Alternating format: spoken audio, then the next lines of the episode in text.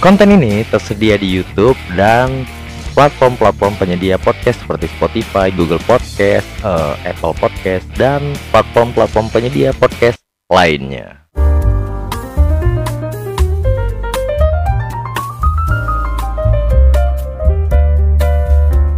Ya, selamat datang di channel Yogi Sumarno bersama mas-mas netizen biasa. Mas-mas netizen biasa. Sini aku ceritain seperti biasa hadir dari Senin sampai Jumat jam 8 malam WIB. Ada dua segmen dalam konten ini yaitu sosmed dalam berita, sedai. Terus itu ada curhat. aku belum nemu lagi nama segmennya. Masih pelacur jahat aja kali ya. Ya ya ya ya, nggak apa-apa ya. Oke. Kalau gitu langsung aja kita ke segmen pertama. Kalau biasanya kita nonton bola itu yang paling populer kan nonton bola versi uh, uh, cowok ya. Jadi kayak kita ya kita nonton MU MU ada Ronaldo ada uh, uh, uh, Samir Kedira lagi ada David De Gea dan pokoknya biasa kita lihat lah Zinedine Zidane Lionel Messi Miyabi dan kawan-kawan lah ya. Jadi uh, ada berita mengejutkan dari sepak bola perempuan sepak bola wanita. Jadi di Prancis di PSG lebih tepatnya Pemain PSG ini ditangkap karena diduga dia menyewa orang untuk menyerang rekan timnya. Uh, yang yang dianggap yang diduga menyewa orang itu namanya Aminata Diallo. Aminata Diallo itu bahkan dia pemain timnas Prancis juga. Eh berkebangsaan Prancis nggak tahu jadi di timnas apa enggak ya. Dia berkebangsaan Prancis dan dia menyerang uh, Heira aduh payah lagi namanya Heira Ham Rauli. Waduh susah lagi namanya. Jadi pemain berkulit hitam gitu. Jadi mungkin karena si Aminata ini cadangan Terus tuh dia ngerasa Aku pengen show off gitu. Jadi dia harus menyerang si Keira tadi Supaya dia supaya si Keira ini cedera Dan dia jadi pemain utama gitu. Memang uh, dunia perempuan ini penuh persaingan Dan persaingannya kurang sehat menurut aku. Kenapa? Karena gini kita perhatikan aja waktu kita sekolah. Itu cewek-cewek lebih sering berantem karena adu cantik atau adu keren gitu. Misalnya nih dia lihat juniornya pakai sepatu keren gitu. Tiba-tiba nih si kakak senior ini tiba-tiba nggak suka aja gitu. Eh lo nggak sosok cantik lah ya. Kita cowok tuh nggak pernah urusan kayak gitu tuh nggak pernah kita. Eh kok nggak sosok ganteng. Nggak pernah nggak pernah. Kayaknya nggak pernah. Mungkin ada tapi aku uh, sama sekali belum pernah ngerasa ng ngalamin bahkan jadi saksi untuk hal itu gitu uh, contoh gini aja lah. Uh, kalau segeng-geng perempuan itu biasanya gini. Segeng itu biasanya antara cantik semua ya kan? Atau satu orang jelek tapi gayanya keren gitu. Atau gini kalau nih cewek-cewek cantik semua ada satu orang jelek dan gayanya nggak keren biasanya nggak ditemenin. Atau referensinya atau kurang gaul atau kurang pokoknya uh, uh, uh, syaratnya itu biasanya lifestyle aja. Jadi kalau yang nggak nggak nggak selifestyle sama mereka biasanya nggak nggak bakalan jadi satu geng gitu. Beda sama cowok. Cowok itu bisa bisa satu kuli satu manajer bisa ini bisa gitu. Satu ngumpul dan obrolannya nyampai gitu. E, kita cuman ngobrolin hobi paling gitu-gitu sih. Nggak pernah ngomongin lifestyle jarang sih. Apalagi curhat-curhat deep talk itu paling satu dua orang aja. Antara satu ke satu orang lainnya aja paling kalau cowok. Uh, ya emang gitu sih dunia cewek ya. Kayaknya ya ya terlalu banyak playing fiktif di dalam diri mereka gitu. Tapi uh, kalau menurut aku sih itu uh, cewek-cewek apa ya? Uh, kayaknya menurut aku tuh agak katrok sih cara pandangnya kayak gitu. Tapi nggak lebih katrok dari iklan-iklan zaman sekarang gitu. Contohnya ya ada tuh iklan yang aku lihat tuh kemarin aku nengok-nengok Facebook terus tuh ada seseorang yang ngiklanin dagangan dia. Jadi dia jualan bakso terus tuh mungkin konsep baksonya konsep bakso pedas gitu pedas-pedasan gitu. Terus tuh dia bilang ayo mak makan di sini guys Jumat berkah makan ini ini ini bla bla bla bla bla. Baksonya pasti pedas dan auto doer gitu. Ya sih nggak apa-apa sih. Tapi kalau aku mau doer kayaknya nggak makan pedas deh ya jedotkan aja ke pintu gitu. Dan aku eh, itu tipografi yang yang yang apa ya? Yang me, me- mencuat men, men- men- menonjol aja gitu ya. Karena apalagi ada gini nih. Ini makanan pedas auto jerit? Ya kalau aku pengen jerit ngapain aku makan pedas? Mending aku berantem sama istri. Gitu maksud aku i- mereka tuh eh, para pengiklan ini make-make kata-kata yang bikin aku ya kalau aku pengen kayak gini ngapain aku makan? Kenapa aku harus makan bakso itu? Gitu. Iya ada sih. Tapi nggak apa-apa sih eh, itu adalah strategi dagang aja strategi usaha. Karena kalau mereka mungkin usahanya nggak lancar bisa aja jadi pem- pemalak kan. Kita nih nggak suka itu dipalak. Karena ada nih berita yang terbaru ini ada pemalakan di wisma atlet. Beri- berita selengkapnya sih aku nggak nggak paham ya. Tapi kalau dari judulnya aja karena aku tadi nengok di TV eh, kita tahu dari judulnya aja pemalakan di wisma atlet. Berarti ada korban yang dipalakin kan. Kita ingat tuh zaman eh aduh kalian mungkin belum hidup ya di zaman Soeharto atau setelah zaman Soeharto beberapa tahun setelah zaman Soeharto mungkin zaman eh eh eh, Habibie, Megawati, Gus Dur gitu-gitu ya. Eh, itu masih banyak tuh pemalakan misalnya nih.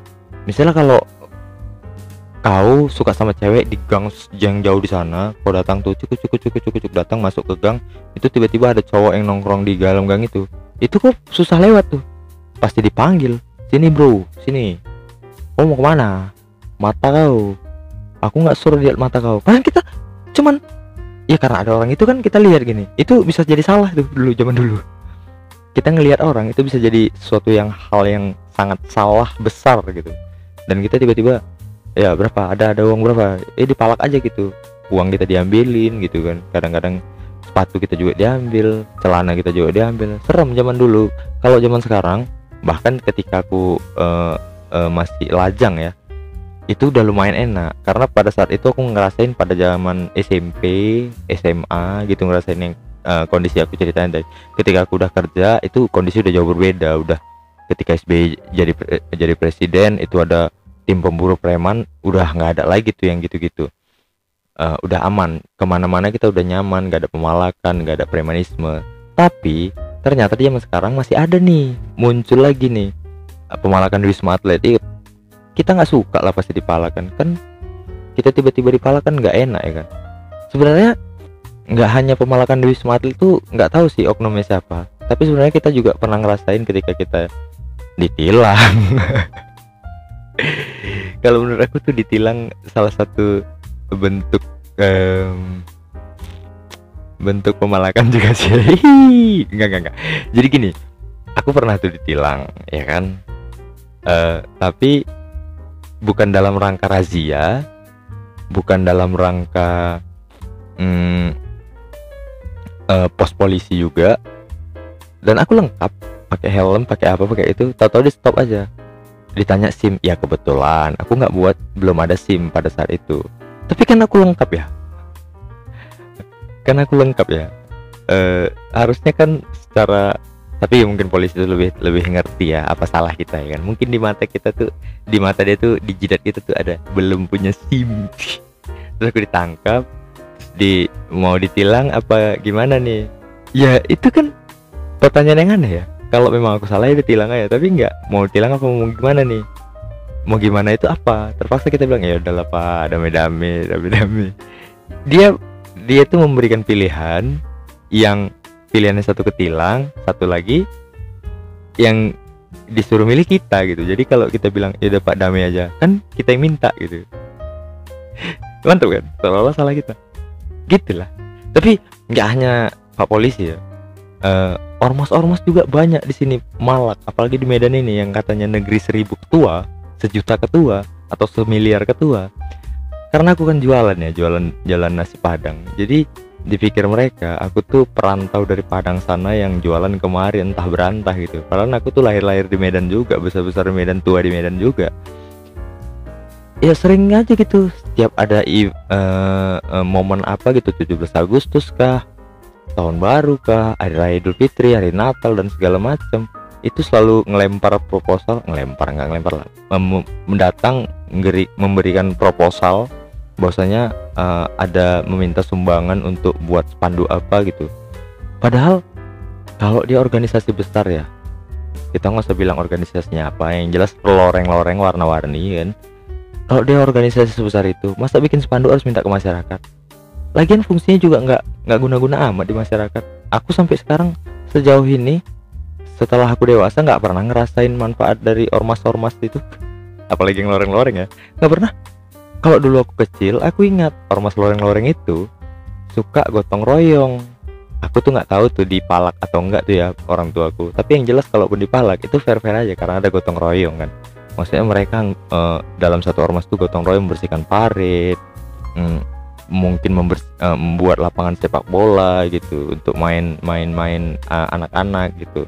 Eh, apalagi membersihkan lingkungan membuat gapura dan lain-lain lah tapi sekarang makin ke sini makin nggak ada aja gunanya gitu. Tiba-tiba pelantikan ganti ketua ganti ini ganti itu nggak ada. Eh, kalau zaman dulu aku ingat misalnya ada pelantikan pergantian ketua gitu itu masyarakat diundang itu boleh datang dikasih kue gitu-gitu kan. Ada hiburannya ada layar tancapnya gitu. Sekarang tidak ada. Jadi untuk apa ormas-ormas itu? Mengambil uang anggaran negara aja kan? Kan mereka ada anggaran itu dari negara. Bubarin aja kalau ormas-ormas kepemudaan tuh kayaknya nggak ada gunanya. Oke. Oke lah itu deh segmen pertama kita masuk ke segmen 2 curhat. Nggak mau lah bilang. Langsung aja ya. Curhat.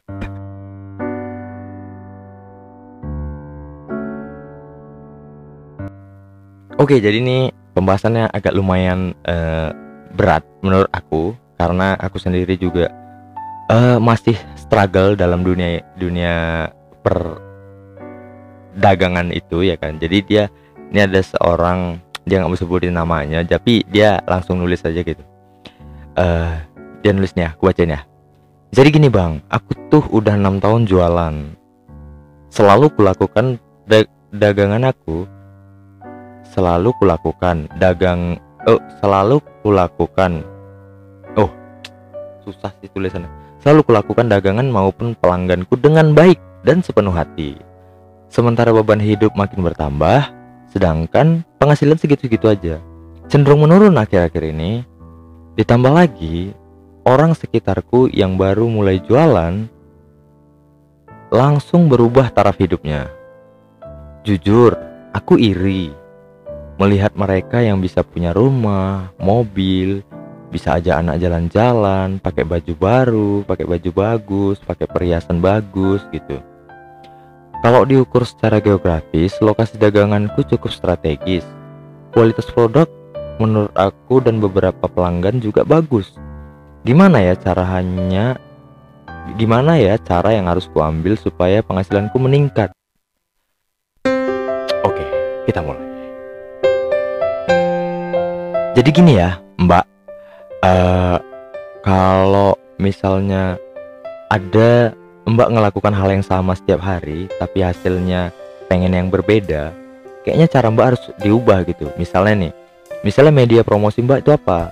Kalau misalnya Mbak jualan mungkin di pinggir jalan, kayaknya spanduknya mungkin diper diubah gitu, bisa jadi lebih menarik, belajar tipografi, cara menulis yang menarik pelanggan gitu atau lampunya juga ditambah terus itu mungkin kan mbak bilang eh, produk mbak bagus menurut mbak dan beberapa pelanggan. Ya mungkin itu pelanggan yang yang pasarnya kecil gitu. Gimana kalau mbak nyasar pelanggan yang lebih besar? Jadi eh, misalnya tuh misalnya tuh mode model model masakan misalnya. Jadi ambil masakan, ambil menu masakan atau buat masakan yang rasanya lebih general aja gitu, yang lebih masuk ke semua orang gitu. Kalau Mbak menyasar pedas-pedasan aja, ya Mbak yang menyasar orang-orang yang tahan pedas. Sementara kan banyak juga orang yang nggak tahan pedas, jadi gitu ya. Atau gini, kalau Mbak eh, mau menambah penghasilan, ya, itu sebenarnya coba cara yang berbeda. Tadi udah aku bilang ya, coba cara yang berbeda. Oke. Hmm, atau gini, eh, Mbak coba eh meriset, meriset saingan Mbak. Jadi saingan tuh bikin apa gitu? Misalnya kalau saingan tuh bikin sesuatu yang beda dari mbak mbak coba ikutin aja gitu dulu nggak apa-apa. Tapi buat yang lebih berkarak- berkarakter aja. Jadi amati tiru modifikasi. Jadi misalnya oh ini buat eh, buat bakso misalnya. Mungkin mbak bisa bikin bakso yang bentuknya bintang. Nah gitu-gitu. Jadi amati tiru lalu modifikasi gitu.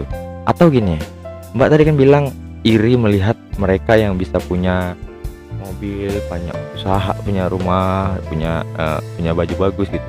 Ya mungkin iya mereka baru jualan tapi kadang-kadang ya eh, ini sebenar sebenarnya eh, hiburan aja hiburan untuk kamu aja. Sebenarnya kadang-kadang pencapaian orang itu ada yang lebih cepat ada yang lebih lambat. Itu kita kembali ke ke ke ke ini ya ke rezeki ya mungkin rezekinya udah dia eh, di situ dapatnya. Mungkin dia merintisnya di usaha lain udah lama gitu. Tutup tutup tutup gagal gagal gagal gagal. Gitu ketemu usaha baru ini langsung naik gitu. Ya kita nggak tahu lah seberapa seberapa banyak orang mengalami gagal. Kadang-kadang kita belum menghabiskan jatah gagal kita makanya kita belum berhasil. Is bagus sekali quote kadang-kadang kita belum belum menghabiskan jatah gagal kita makanya kita belum berhasil gitu sabar aja. Mungkin jatah gagal mbak sampai umur 67 tahun. Kalau kalau kita tahu jatah gagal kita sampai kapan pasti kita misalnya nih jatah gagal aku nih se seribu eh, seratus video lagi jatah gagal aku. Aku bakal ngebut sampai 100 video itu dengan video yang aneh-aneh aja nggak apa-apa. Tapi masalahnya video yang aneh-aneh nanti jatah gagalnya makin ditambah kan? Makanya buat yang bagus bagus bagus bagus bagus jatah gagalnya sampai habis baru kita menemukan titik berhasil kita gitu sih. Iya nggak usah nggak usah iri lah lihat orang. Iya iri iri boleh iri boleh tapi iri untuk memotivasi bagus sih. Jangan iri kita nggak suka jadi musuhan sama dia jangan ya. Yang penting eh sabar aja gitu. Kan? Lagi-lagi tidak ada solusi lagi-lagi apa siapa yang curhat di sini tidak menemukan apa pun. Tapi ya gitulah konsep konten ini sebenarnya gitu. Pada akhirnya semua orang yang curhat itu hanya pengen didengerin bukan dikasih solusi. Karena sebenarnya mereka udah tahu solusinya masing-masing. Tapi mereka ingin ya di jadi punya pen, punya pendengar ketika mereka berkeluh kesah aja gitu ya kalau menurut aku. Jadi itu dia hmm, episode kali ini episode ke 10 sini aku ceritain. Buat kalian yang ingin jadi kontributor di sesi curhat bisa kalian DM ke Instagram aja cerita kalian. Nanti kita masukkan ke episode-episode selanjutnya. Kalau gitu sampai jumpa di episode selanjutnya. Bye